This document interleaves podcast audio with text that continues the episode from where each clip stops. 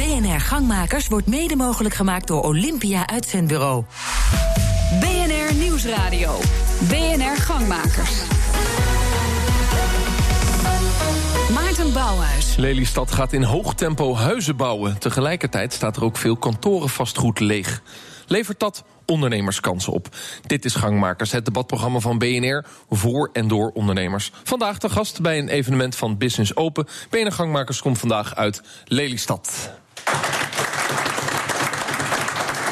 Nou, over de leegstaande kantoren in Lelystad zeggen burgemeester en wethouders... de huidige eigenaren moeten hun verlies nemen... zodat het gesloopt kan worden en er nieuwbouw kan komen. Is dat dan de oplossing? We gaan het onderzoeken. De eerste stelling in BNR Gangmakers...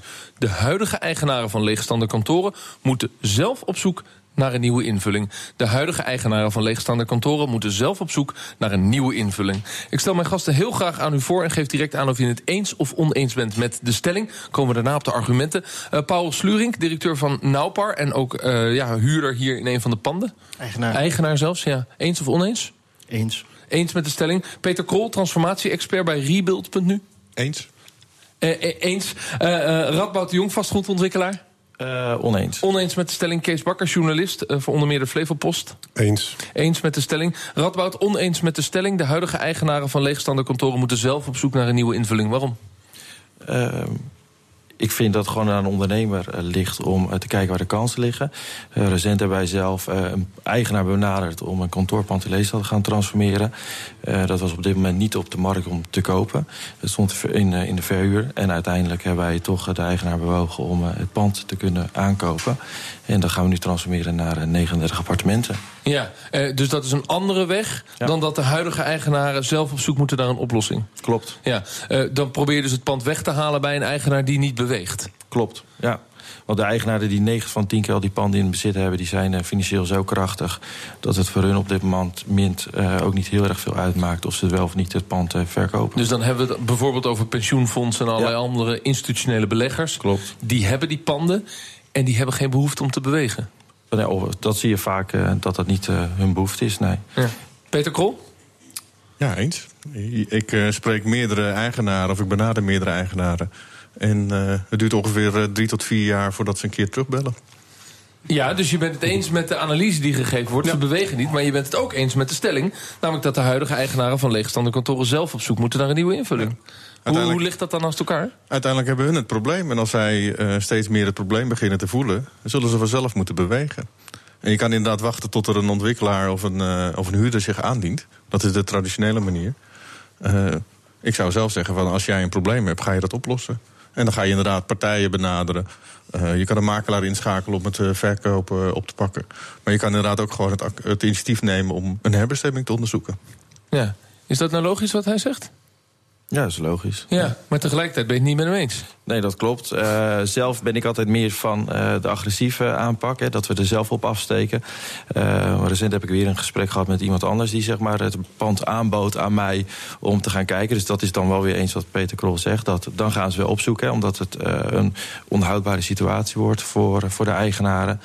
Uh, voor als, als, als marktpartij, zeg maar, als je ontwikkelaar zelf bent, is het altijd gunstiger als je een eigenaar gaat benaderen dan als ze bij jou komen. Ja, omdat je dan beter, oh, je kunt het beter benaderen dan dat ze bij jou komen. Ja. Zeker omdat het, als het pand zeg maar, in, nog in de huur staat en dat je hem niet in de verkoop zet, zeg maar de eigenaar, en je gaat daar naartoe, dat je dan het pand voor hun kan kopen, ja, dan is het voordeel voor, uh, voor de ontwikkelaar ja. natuurlijk wat groter. Paul Slurink, jij bent eigenaar van een van de panden hier in Lelystad. Huidige eigenaren moeten leegstaande kantoren zelf op zoek naar een nieuwe invulling. Waarom?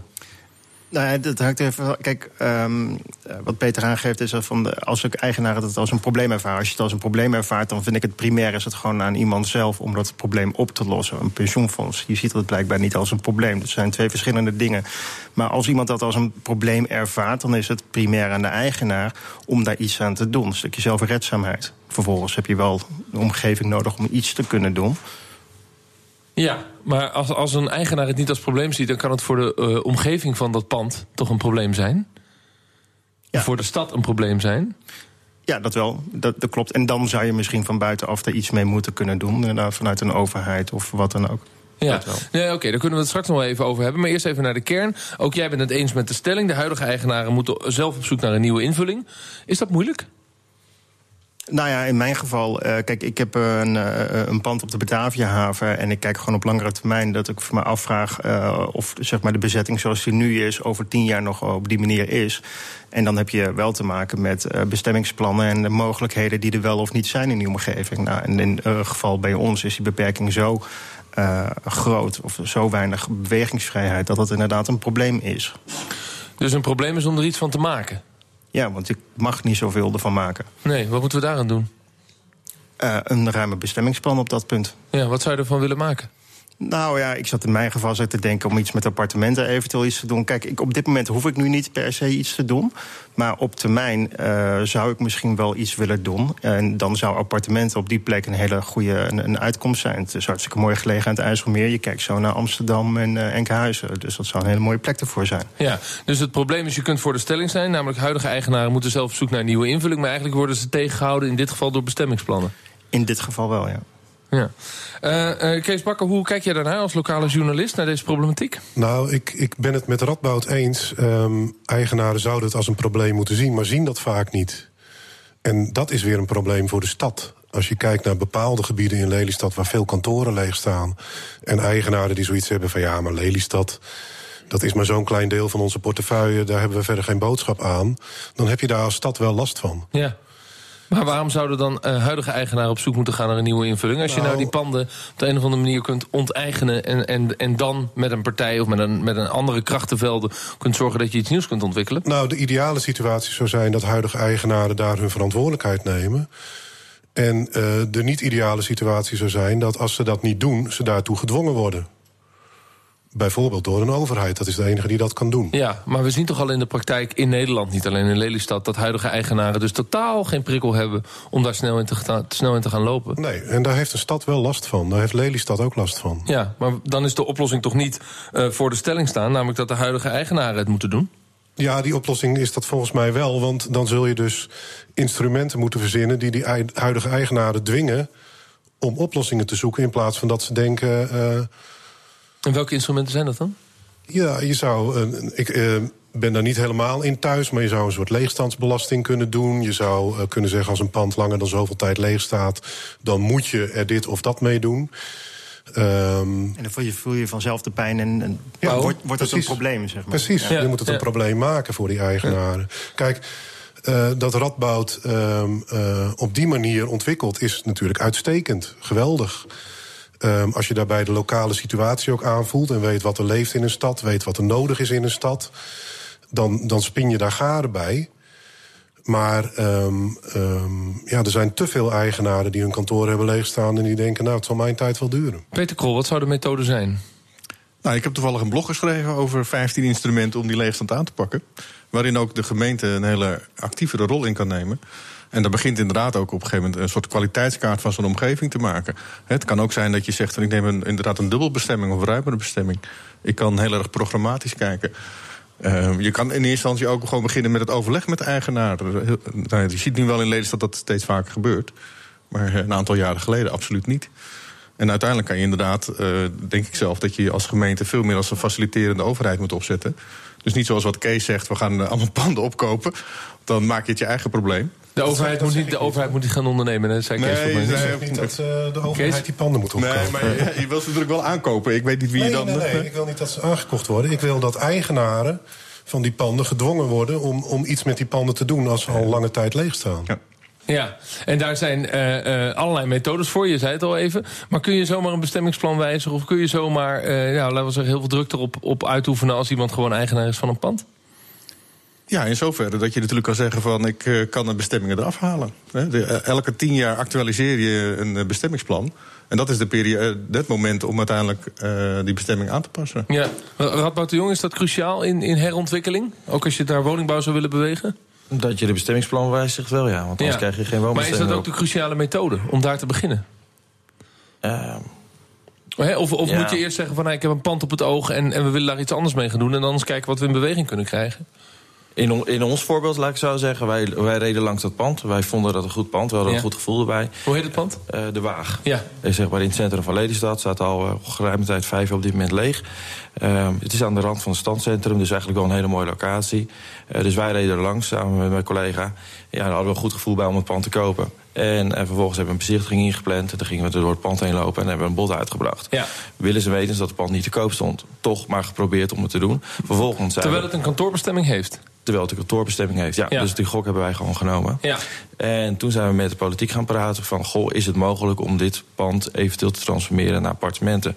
Eh, nou, in principe heeft Lelystad voor een, het stadscentrum... voor de kantoorpanden eh, uitgeschreven... dat de kantoorpanden eh, getransformeerd mogen worden naar appartementen. Ehm, zodoende hebben we nog wat meer gesprekken gevoerd met de gemeente... en uiteindelijk de koopakte ondertekend. En Maar, het- maar dat is dus fascinerend. Je hebt eerst gekocht en de gok genomen dat je de gemeente kon overtuigen dat het woningen moesten worden. Ja, ik hou wel van een risicootje. Ja. Eh, eh, eh, Paul, hoe werkt dat bij jou als je de woningen van zou willen maken? Nou ja, ik heb eh, ook aan de gemeente heb ik ze, de gemeenteraad ook nog even eh, helpen herinneren dat ze die kantorennota hebben. Waarin eh, staat dat kantoren omgezet kunnen worden naar appartementen en woningen. Maar toch heeft men anders besloten. Ja, dus jouw pand mag niet worden omgezet naar woningen. Op dit moment niet. Maar ik denk dat er sowieso wel een bepaalde nuancering moet zijn. Of een verschil is tussen, zeg maar, heb je het vast, over vastgoedeigenaren.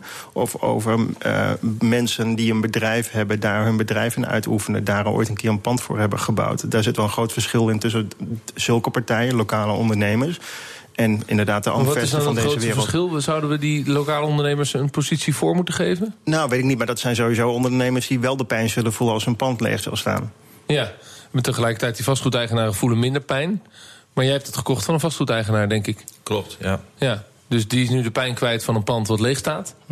En jij mag er mooie woningen gaan bouwen. Dan heb je nog een mooi verdienmodel. Voel je je toch niet een beetje benadeeld dat, dat jij dat niet mag bouwen? Ja, op dit moment, eh, op dit moment wel, ja. En ik denk ook- Ja, straks de situatie in de ene stad is de andere natuurlijk niet. Welke specifieke kansen liggen er dan voor vastgoedontwikkelaars in Lelystad? BNR Nieuwsradio. BNR Gangmakers. Mijn naam is Maarten Bouwers. Lelystad heeft een bijzondere samenstelling. Decennia lang was 70% van de woningen voor mensen met minder geld, oftewel sociale woningbouw. Hoe groot is de schade die de stad daarvan heeft opgelopen? We praten verder over de stelling. De politiek moet vastgoedontwikkeling overlaten aan de markt. Of niet?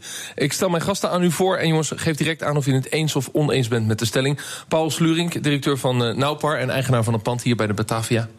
Eh, eens. Eens met de stelling, de politiek moet het overlaten aan de markt. Peter Krol, uh, transformatie-expert. Eens. Eens met de stelling. Radboud de Jong, vastgoedontwikkelaar. Eens. Eens uh, Kees uh, Bakker, freelance journalist. Ja, ik zou bijna zeggen oneens. Oh jongens, dat wordt gezellig.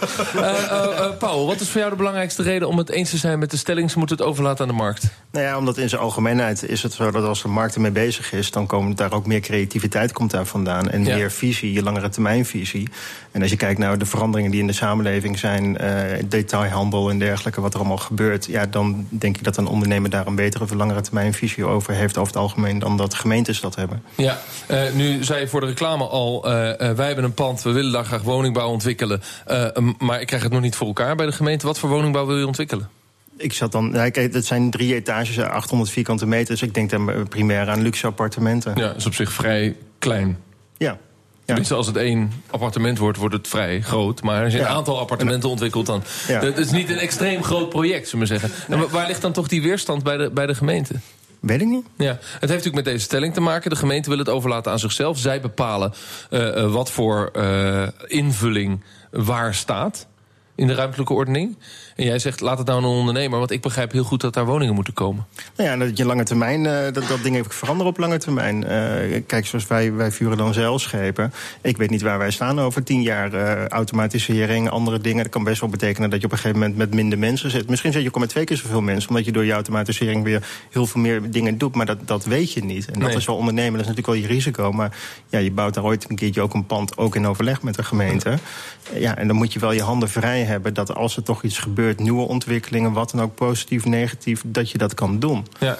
Ke- Kees Bakker, als eh, eh, freelance journalist hier in Lelystad... volg je natuurlijk de ontwikkelingen van de stad als het gaat over de woningbouw. Ja. Eh, je bent voor de stelling, je zegt ja, ze moeten het overlaten aan de markt. Eh, waarom dan? Heeft de gemeente Lelystad bewezen dat ze nogal slechte planners zijn?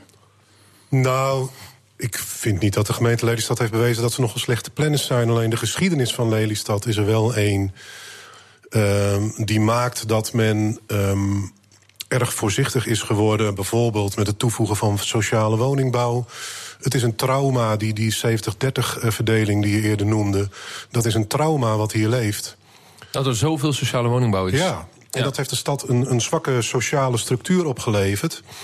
En dat is in de jaren negentig is daar wel weer een, een goede tendens in gekomen.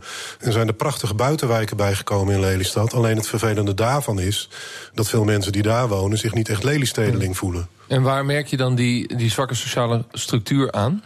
Dat Wat merk je, gebeurt nou, dan? Als je, op, nou, je merkt het op zaterdag als je in het centrum rondloopt. Eh, ten eerste is het centrum hier noodlijdend, het stadshart. Dat is, daar merk je het aan. Eh, en je merkt het ook gewoon eh, aan, aan de sfeer in het centrum. Eh, ja, Dat, dat is niet een sfeer van een leuk centrum. nee, het, het, het, er is ook onderzoek naar gedaan. Ehm, ik geloof dat dinsdagmiddag of woensdagmiddag traditioneel de rustigste tijd is in het centrum. En zaterdag zou de drukste tijd moeten zijn. In normale centra. in normale centra. En hier was er een onderzoeker die erachter kwam dat het eigenlijk op beide tijden even druk was. Niet Dus, druk. dus op dus- zaterdag heel rustig. Ja. Eh, Peter Krol, jij, jij schudt een beetje. Zo van, nou ja, dat vind ik wel te kort door de bocht. Ja, je ziet in, als je naar het centrum kijkt, zie je wel interessante ontwikkelingen gaande. Er worden veel activiteiten ontwikkeld. Er zijn nieuwe ondernemers die zich daar vestigen. Dus je ziet wel dat er een soort verandering gaande is. Ja, nou in relatie tot de stelling, vastgoedontwikkeling moeten we overlaten aan de markt. Jij bent daar ook voor. Eh, is dat wat er dan kan gebeuren? Dat ook zo'n centrum, en er is natuurlijk veel meer over gezegd, de, eh, de problemen van Lelystad, dat dat dan weer opgetrokken kan worden? De, de markt gaat dat doen? Ja, dat zie je ook wel wat eh, bijvoorbeeld Radbouw doet in het centrum. De, eh, als je kijkt naar eh, bepaalde beslissingen die worden genomen door, dat, door, door de raad en het college, waarin ze eigenlijk zeggen we trappen op de rem op het gebied van sociale woningbouw. Terwijl bijvoorbeeld Radbouw ehm, ja, de koopwoningen in die sociale koop realiseert. Maar dat ze dat toch ehm, zeg maar, de, faciliteren om dat op, op, op te maken. Hoe moet ik dat dan zien? De gemeente begrijpt nu dat ze minder sociale woningbouw moeten neerzetten. Dat zijn natuurlijk huurwoningen. En Radboud de Jong, jij wil iets anders ontwikkelen. Ja, wij ontwikkelen gewoon eh, appartementen voor de, voor de vrije verkoop. Ja, de vrije verkoop of Ja. ook de vrije sector huur. Eh, nee, we, deze appartementencomplex staat puur alleen voor, voor de koop eh, in de verkoop. Ja, dus, dus niet die- voor de huur. Nee. In die zin steunen ze jou en, Ja. en daarom mag je gaan ontwikkelen. Ik denk dat dat dan ook een uh, weloverwogen reden is, ja. Ja, Ja. blijft de vraag. eh, Jouw appartementen, Paul, zit in diezelfde hoek. Ja. Ik ben zo verbaasd over het feit dat het jou niet lukt en Radboud Ja, wel. maar, eh, Kijk, bij Powell, dat, ik snap dat wel. Eh, bij Powell, dat is een hele andere situatie. Ik, ik denk dat het bij jou eh, de, de voornaamste obstakel de locatie is. Nou, 200 meter verderop staat een enorm appartementencomplex. Er Ja. zijn er nog vier van gepland. Dat is dus- 200 meter verderop. En, en jouw locatie ligt echt midden in een haven waar cruiseschepen aanleggen, waar andere bedrijvigheid is. En als je daar woning, woningen gaat toevoegen, kan ik mij voorstellen dat de gemeente ook bang is van nou, en dan komen straks die cruiseschepen en die stromen uit en dan gaan de bewoners daar klagen over geluidsoverlast. Zoiets. Dat kan ik mij Cruiseschepen in. Lelystad, ja, zijn we al zover? Zeker. Oké. Jazeker. Ja. Maar ja, en aan de Paul? andere kant, ik bedoel, eh, waar is meer bedrijvigheid nou van? Van een kantoor of van, van dat er eh, zes mensen wonen? Nee, maar die zes mensen die gaan wel weer klagen over bedrijvigheid die dan plaatsvindt. Ja, maar ik Dus je moet als- dat dan- je moet als maar dat is toch oud denken om te zeggen van we houden die bedrijvigheid bij elkaar en die woningen moeten in woonwijken staan. We leren toch juist dat als we dat mengen, dat we gewoon een levendige stad krijgen. Ja, je kunt het wel mengen, maar je moet wel weten waar je het mengt. Je gaat ook niet naar zware industrie opeens woningbouw toestaan. eh, waardoor die zware industrie dan gehinderd wordt. Oké, oké. Ik ga naar de interruptiemicrofoon. Met wie heb ik het genoegen? Goeiedag, mijn naam is Erle Warmer, eh, Creative Solution Center. En wij helpen heel vaak met eh, transitie van eh, kantoren met betrekking tot technische installaties naar een andere situatie. Ja. Zo hebben we al een aantal panden gedaan in Amsterdam, getrans getransformeerd naar hotelomgeving. Mijn vraag eigenlijk aan de heren is: wat gaan we doen met panden die architectonisch niet geschikt zijn om te transformeren? Ja, en en architectonisch heeft te maken echt met het pand zelf, niet zozeer op de, op de plek waar ze staan. Eh, Nee, met het pand zelf. Niet zo direct eh, eh, zozeer met de eh, plaats waar ze staan. Want een kantoorpand die in een eh, omgeving staat met industrie... kan getransformeerd worden naar eh, diverse, heeft nog diverse mogelijkheden. Ja. Maar eh, puur architectonisch staan er een aantal panden... eh, zowel hier als elders in het land... die gewoon niet getransformeerd kunnen worden naar een andere situatie. Ja, Radboud de Jong, jij zoekt zelf die panden op. Hè? Je, je gaat naar die eigenaren toe en je zegt... joh, eh, eh, zouden wij er iets mee kunnen? Mag ik het van je overnemen? Dus een proactieve benadering. Kijk je dan heel erg naar die architectuur en zeg je van... nou, dit pand moeten we maar niet aan beginnen? Ja, ligt er met aan. Dus Kijk, wel wat wij ook gedaan hebben met het andere pand, zeg maar, die hebben geen buitenruimtes. En op het moment dat je geen buitenruimtes hebt, dan zegt iedereen in Leesland, nou, dan kan je zo'n appartement niet verkopen. Als je dan kijkt naar Amsterdam, heb je kantoorpanden waar ook geen buitenruimte zit, of een eh, appartementencomplexen, die worden ook gewoon verkocht. Ja, maar dat is natuurlijk een totaal andere markt. Klopt, alleen eh, wat wij hebben gedaan met ons pand, die heeft geen buitenruimte. Het enige wat wij hebben is één groot dakterras, gemeenschappelijk dakterras gecreëerd. Zodat daar alle bewoners eh, bij elkaar kunnen komen. En eh, dan is het Hoe ver ben je architectuur- met de verkoop? eh, op, we hebben van de 39 appartementen er nu eh, 34 verkocht. Oké, dus dat gaat goed. Dus dat is gelukt. Ja, dat is gelukt. Dus, dus je, hebt, je hebt iets kunnen doorbreken waarvan Ja. iedereen zei dat, dat dat kan niet, want het heeft geen Klopt. buitenruimte. Dus toch gelukt. Ja, dus als je dan architectonisch kijkt, ja, als je het architectonisch wil je een woonhuis hebben of een, appartement met een balkon. En uiteindelijk is gebleken dat eh, het niet altijd hoeft, mits je een goed product aanbiedt op een juiste locatie. Ja. Peter Kool, kijk jij ernaar? Ja, ik die, die architectonische kant? Ik ben het eens met Radboud. En inderdaad spreek ik ook die eh, inspreker tegen... dat eigenlijk elke pand wel een herbestemming mogelijkheid. Ik heb ze nog niet meegemaakt dat ik niet een herbestemming kon doen. Oh, oh, wat ik in de leegstaande kantoren vastgoedmarkt geleerd heb... is dat er een soort van 1 derde, 1 derde, 1 derde verdeling is. Panden die heel snel op zich weer een nieuwe huurder kunnen krijgen. Super kansrijk. Bijvoorbeeld op Schiphol ergens. Panden die eh, absoluut herbestemd zouden kunnen worden. Bijvoorbeeld woningen of een ander soort kantoor van. En panden die gewoon kansloos zijn. Afschrijven, eh, niks meer aan doen. Eh, Deel je dan die, die mening wel van die, van die indeling? Nou, wat je volgens mij ook ziet met die 1 derde, 1 derde, 1 derde... is dat de, kansrij, de, de, de, de 1 derde die kansloos is... Ja. dat is kansloos op het gebied van kantoren. Maar dat het natuurlijk heel veel mogelijkheden biedt voor wonen. Ja. En dat, eh, dat maar, de locatie van zo'n kantoor vaak lastiger is... in de zin van dat het bijvoorbeeld in een kantooromgeving staat... of op een industrieterrein. Oké, nou wil Lelystad eh, fors inzetten op woningbouw. Dus dat roept natuurlijk de vraag op welke kantoorpanden kunnen we nog meer aanwijzen, heren. Waarvan we zeggen, nou, daar liggen wel kansen, daar liggen wel ideetjes. Radboud, welke liggen er op jouw bureau? Ja, daar doe ik geen uitspraak over. Nee. Eh, Paul? Ja, ik weet in ieder geval eentje aan de Bataviahaven. Ja, dat is jouw eigen pand. Ja. Maar ik wil nog even reageren op het vorige. Kijk, het is nog wel, ehm, als je kijkt van, van dat het kansloos is... je kijkt niet eh, in het centrum. eh, dit zijn natuurlijk nog steeds problemen, maar, sommige dingen gaan wel beter. Maar dat is ook nadat men een groot gedeelte van het centrum... gewoon plat heeft gegooid en nieuw, opnieuw heeft opgebouwd. Dus ik ben het niet mee eens dat het per definitie altijd maar kunt herbestemmen. En ja, een projectontwikkelaar die kijkt eh, misschien heel erg vanuit... niet vanuit de esthetiek naar de architectuur... maar inderdaad, kan ik het verkopen met of zonder bui- buitenruimte... Precies, en en hoe dat het komt eruit ziet, terug de stelling van je laat het over aan de markt. En dus moet het gewoon geld verdienen. En de gemeente gaat zich misschien meer moeien met de vraag... hoe wil ik dat mijn stad eruit ziet? Ja, dus daar zul je toch met elkaar wel over moeten, moeten hebben. Ja, ik ga naar de interruptiemicrofoon. Met wie ik heb het genoegen? Tony Merkelbach, ik ben directeur City Marketing. Ah, Even kijk eens. Wat vindt u van het debat eh, tot nu toe? Aan Paul, eh, over jouw pand. Eh, daar is ooit eens een keer gedacht om daar een hotel eh, van te maken. En ik wil- ben eigenlijk wel benieuwd waarom dat toen niet door is gegaan. Nou, eh, als je enig idee hebt hoe het zit met de hotels en het aantal overnachtingen in Lelystad, dan is dat op zich een vrij goed antwoord, denk ik. Kijk, er is Dramatisch. Ja, er ligt, kijk, ik zit zelf met mijn zeilschepen. Zit ik in de, in de, in de of over, overnachtingen in de, in de recreatiehoek. Ja, dus je hebt daar een goed beeld van. Daar is hier helemaal is heel weinig. Dat is gewoon niet in, in Absoluut niet mee eens. Wat, wat, denkt u als we gaan investeren in de woningbouw in Lelystad? Eh, De directeur van City Marketing. Ligt er een grote kans voor kantoorpanden om daar een rol te pakken? Ik denk het wel, en dat is het voorbeeld is eh, van Radboud. Maar daarnaast zeg ik van, als je het praat over hotelaccommodatie... dan weten we in ieder geval dat Van der Valk gaat bouwen aan de A6. We weten ook dat we gaan bouwen eh, bij de, bij de Bataviastad. Eh, dus Paul, dat was juist net een uitgelezen kans om dat op te pakken. Er is, Dus er is een heel groot Paul? verschil wanneer je zeg maar, een aantal kamers zou kunnen doen. Dat je er maximaal 10, 15 zou kunnen doen. Of zoals een Van der Valk die er gewoon tientallen neerzet aan de snelweg. Bij een eh, vliegveld. Die beslissing tot vlieg, dat hebben ze ook pas genomen nadat er definitief een vliegveld zou ik komen. wil u eh, eh, danken voor een gesprek over vastgoed, woningbouw en uiteindelijk ook horeca in Lelystad. Gebeurt het volgens mij toch allemaal. Ik dank mijn gasten, de insprekers, de gastheren van de Business Open hier op de Golfclub in Lelystad. Dit was hem alweer Gangmakers voor deze week. Jongens, volg ons op Twitter, BNR Gangmakers. Volgende week zijn we er uiteraard weer. Tot dan, dag! BNR Gangmakers wordt mede mogelijk gemaakt door Olympia Uitzendbureau.